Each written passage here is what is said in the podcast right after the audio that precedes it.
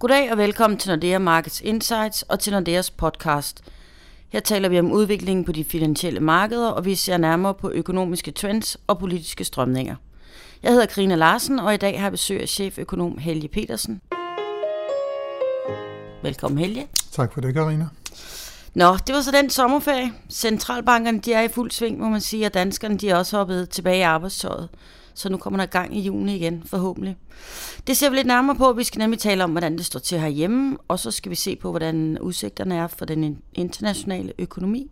Men hvis vi starter herhjemme, hvad er status? Er vi blevet klogere på, om det danske opsving har bidt sig fast? Data for juni viser, at der er kommet pænt gang i eksporten, mens importen peger nedad. Og det er da vist ikke så gode tegn, eller hvad? Nej, jeg synes i hvert fald det her med, at importen den øh, falder, det synes jeg ikke er et specielt godt tegn. Og vi har også fået de her såkaldte konjunkturbarometre fra Danmarks Statistik, og de har jo også vist, at det er de fleste sektorer, man måler på industrien, bygger- anlægssektoren, inden for servicesektoren og detailhandlen, at de ser ud til at være sådan lidt mindre optimistiske, end de var på et tidligere tidspunkt. Mm. Så jeg synes ikke, at det tyder på, at der sådan for alvor er kommet rigtig godt gang i i væksten endnu her i år, og bilsalget det faldt faktisk også lidt her for den seneste måling på, okay. på det. Så til gengæld så kan man sige, at arbejdsmarkedet, det har det jo fortsat rigtig godt. Øh, der bliver skabt rigtig mange nye jobs herhjemme for tiden, til trods for den svage vækst, og vi ser også, at arbejdsløsheden den fortsætter med at falde. Det synes jeg egentlig er en meget god parameter for, at det måske i virkeligheden ikke står helt så slet til med den danske økonomi, som vi ellers kan få indtrykket af, når det er, at vi ser på for eksempel BNP-tallene. Okay. Mm-hmm. Så og hvad, hvad er vores forventninger til inflationen? Jamen, øh, det er jo fortsat en lav inflation. Vi har en forventning om, at den kommer til at tikke lidt opad, men den ligger lige nu bare på 0,3 procent mm-hmm. på årsbasis. Det kan man så sige, at den lave kom, øh, inflation i kombination med, at lønningerne trods alt stiger, med et sted mellem 1,5 og 2 procent øh, lige for tiden. Det betyder jo, at danskerne får en højere købekraft, og det kan så igen være med til at sætte i gang i det private forbrug. Mm. Og det er altså den hjemlige efterspørgsel, der skal trække væksten lige nu, fordi eksporten har generelt svære vilkår. Det er rigtigt, den steg lidt i juni, men når man ser på det overordnede billede for verdenshandlen, så er det faktisk ikke et specielt muntert billede, der tegner mm. sig der. Så jeg tror, eksport erhvervene fortsat vil have det svært ved at komme sådan rigtigt op og være det, der er vækstmotoren mm. i dansk økonomi. Så, så, så er der grund til bekymring, eller hvad? Nej, men der er vel grund til forventning om, at øh, den økonomiske vækst den kommer til at forblive relativt svag herhjemme, også hen over det kommende halvårs tid, som tingene ser ud lige nu i den internationale økonomi. Okay. Ja, fordi hvordan ser det egentlig ud generelt? Hvor stærk er den internationale økonomi? Vi har set sådan forholdsvis pænt tal for USA, men ellers så er det vist lidt af noget blandet landhandel. Jamen, det er generelt en blandet landhandel, og jeg vil sige, at øh, ser vi på amerikansk økonomi, så er det rigtigt, at det ser ud til, at det er stabiliseret sig inden for fremstillingssektoren nu, men væksten i andet kvartal skuffede jo voldsomt, øh, og første halvår har været dårligt, og vi kommer til at nedjustere vores prognose for den amerikanske økonomi okay. for i år euroområdet, det var også tale om noget afdæmpning i andet kvartal i forhold til første kvartal, og også den svenske økonomi ser ud til at være sådan lidt mere på vej ind i noget mere permanent afmatning. Det har jo ellers været en økonomi, der har vokset mm. ganske kraftigt, så jeg synes billedet for den internationale økonomi er fortsat også relativt svagt. Øh, jeg tror, vi skal vende os til, at væksten i verdensøkonomien, den er sådan omkring 3 procent, og det er altså væsentligt under det niveau, som vi havde mm-hmm. før finanskrisen den trådte ind. Så der er sket sådan et strukturelt skifte i, i væksten på global plan. Okay. Ja, ja, nu når vi snakker om det også, det er nu omkring syv år siden, at britterne besluttede sig for at stemme sig ud af EU. Er det noget, som vi i Danmark kan mærke øh, de økonomiske konsekvenser af allerede nu? Jeg vil sige, ikke allerede nu. Vi kan måske have en lille forvarsel, fordi nu snakkede vi før om, at eksporten den steg, men den faldt faktisk til Storbritannien i juni måned med hele 4 procent. Okay. Det kan være forvarsel om, at der er noget afmatning på vej i den britiske økonomi. Øhm, men ellers så vil jeg sige, at der skal vi lidt længere frem, før sådan de hårde data for alvor kommer til at og øh, blive en kendskærning. Men de tillidsindikatorer, der har været fra Storbritannien, og her taler jeg om øh, forbrugertilliden, den er styrtdykket, og erhvervsledertilliden, den er også faldet markant. Så jeg tror, at øh, britisk økonomi kommer til at gå en svær øh, tid i, i møde. Mm. Og det er måske også derfor, at Bank of England allerede nu har valgt at sætte renten ned og så øge sit opkøbsprogram, ja. for på den måde at få sat noget mere gang i økonomien. Mm. Og pundet er jo også blevet svækket øh, ja. ganske kraftigt med cirka 10 procent siden afstemningen. Det kan man sige, det kan også være med til at holde hånden lidt under britisk økonomi, men generelt så bliver det en svær periode, som, som britterne står mm. for, det tror jeg. Og det, jeg ved ikke, det her er måske kun begyndelsen, fordi vi ved, det kommer til at gøre rigtig ondt i 17, når og hvis det er, at det britiske parlament påberåber så Lissabon-traktatens artikel 50 her i december. Kunne man forvente, at det så... Altså, man går ligesom og venter på, hvad... Og Ja, man går og venter og venter, og vi ved ikke rigtigt, hvordan det var ledes, men jeg tror, uanset om man får aktiveret artikel 50 øh, eller, eller ej nu her, øh, så tror jeg, det vil blive svært for britterne, fordi Bare det, hvis man ikke kommer ud af, eller ikke, er med i EU mere, det kommer til at betyde, at investeringsaktiviteten den kommer til at falde, og det, jeg ved ikke engang, om det vil være, være værre eller bedre for aktiveret artikel 50 lige nu. Jeg tror, at erhvervslivet har indstillet sig på, at uh, der er usikkerhed omkring britisk mm-hmm. økonomi.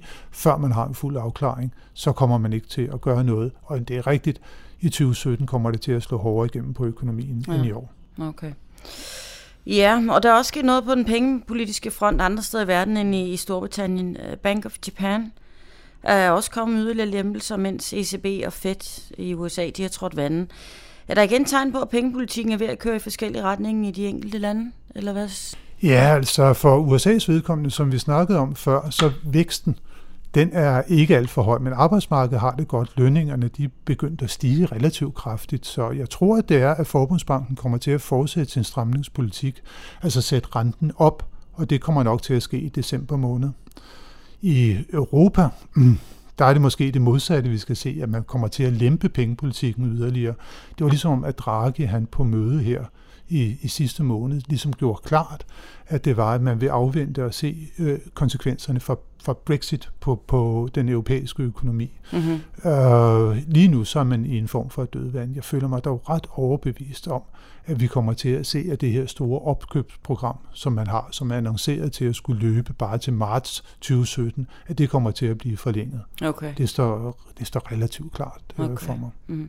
Og hvad med Fed? Hvornår hæver de renten? Står det også klart? Ej, altså jeg tror på, at det vil blive i december måned. Aha. Øh, der er nogen, der begynder at spekulere i, at det kan ske allerede i september, men jeg tvivler faktisk på, at det kommer til at blive før. Ej, de skal øh, vel også have valget over, ja.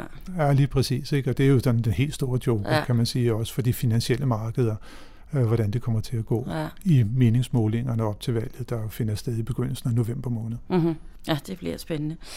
Øh, herhjemme, der er renten også faldet yderligere. Hvad, hvad skyldes det egentlig? Er det noget, der luner hos boligejerne, kunne man umiddelbart tro? I hvert fald på den korte bane. Ja, øh, det er jo ingen tvivl om, at øh, vi har udsigt til, at øh, renten den vil være meget lav, øh, så lav som den er nu i meget lang tid fremover. Og det luner jo for, for boligejerne, mm. og det luner jo også øh, for dem, der skal ud og sælge deres bolig nu, fordi at boligpriserne de er jo meget høje for tiden, som følge af den meget lave rente. Øh, jeg tror, at den udvikling, vi har set her hen over sommer, den meget kan skyldes udviklingen i Storbritannien, altså det her Brexit, usikkerhed, okay. Øh, noget nervøsitet på de finansielle markeder. Selvom aktiekurserne er steget, så ligger der jo stadigvæk sådan en underliggende usikkerhed omkring, mm-hmm. hvad kommer fremtiden til at byde. Og så er det jo også en kendskærning, at øh, det her ECB's opkøbsprogram er blandt andet statsobligationer, som vi snakkede om før, at der begynder man efterhånden at løbe tør for tyske obligationer. Øh, man kommer formentlig til ikke at kunne suge øh, flere ud fra markedet, når okay. det er, at vi kommer ind i begyndelsen af det nye år. Og øh, bare det, at der er sådan en form for noget stykmangel, jamen det betyder jo så, at, at kurserne bliver jappet op, og renten den falder. Og i Tyskland, der ligger den 10-årige statsobligationsrente altså nærmest permanent under 0 nu, altså i det negative territorium. Og det er så også med til at holde de danske renter nede. Fordi så man er ved at bruge ammunitionen, er det sådan, eller hvad? Man er ved at have brugt ammunitionen øh, lige nu, og det betyder, at man formentlig kommer til at justere på de kriterier for, hvilke obligationer man kan købe øh, her, måske allerede i september måned, fordi okay. man er altså bundet på hænder og fødder øh, lige for tiden. Mm. Så det er en meget svær situation, som man er i Frankfurt mm. øh, lige nu. Øhm, apropos de danske renter, jeg talte med Viller, mig og Jan talte om i sidste uge, den forrige podcast, om, ja, renterne er lave, men det var også, som han sagde, lige pludselig kan det altså gå meget hurtigt. Altså, der er ikke nogen, der ved, hvad der sker selvfølgelig, men han forudser måske lige pludselig, så kunne det altså gå stærkt den anden vej.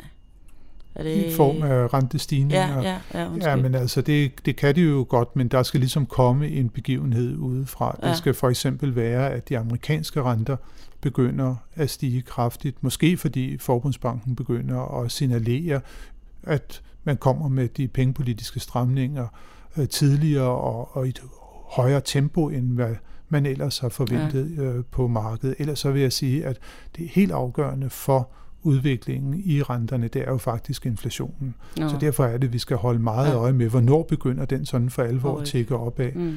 Det er den mest afgørende parameter for udviklingen mm. i renten. Vi skal også huske på, at ECB's pengepolitik er jo dybest set indrettet mod at få inflationen tilbage til de sådan lige omkring 2%, som man, øh, man har som målsætning. Og hvad er den nu? Det, lige nu så ligger den jo stadigvæk og flørter med, øh, med nulgrænsen. Så ja. der er langt op øh, til de 2% endnu. Derfor vil det også være afgørende, at øh, råvarepriserne begynder at stige igen, fordi mm. det er meget via en stigning i råvarepriserne, at man får det hurtige bidrag til en stigning i inflationen. Okay. Det bidrag, der kommer for eksempel fra stigende lønninger, jamen det er jo noget, der afhænger dybest set af, hvordan går det på arbejdsmarkedet. Det er jo sådan en langvarig proces. Så de der store udsving, man ser nogle gange i, i inflationen, det er som regel, når det er, at der kommer store udsving i råvarepriserne. Det slår igennem med det samme. Okay. Så der er dømt usikkerhed, og der er rigtig mange faktorer, man skal holde øje med fremrettet. Man, man skal bestemt holde øh, øje med mange faktorer. Jeg vil sige, at udviklingen af råvarepriserne igen kan være afgørende okay. for forventningerne til, til pengepolitikken. Og så er der jo igen det der, som vi har snakket om, det amerikanske præsidentvalg, øh, hvor at øh, alt jo fortsat øh, er åbent, mm. men hvor der er ingen tvivl om, at jo bedre som Donald Trump måtte komme til at stå i meningsmålingerne, jo mere nervøsitet og volatilitet vil vi se på de finansielle markeder. Ja, det kunne man godt forestille sig. Er der ellers sådan noget særligt her på falderæbet, som du vil holde særligt øje med sådan lige på den korte bane?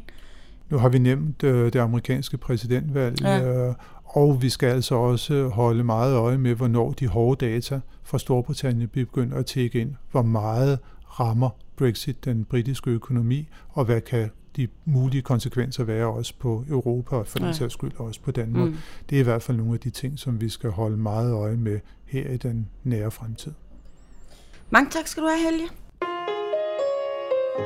Og hvis du vil vide mere om, hvad der rører sig på de globale finansmarkeder, så kan du besøge os på nordeamarkets.com og nexus.nordea.com, hvor du kan finde al vores research og analyser.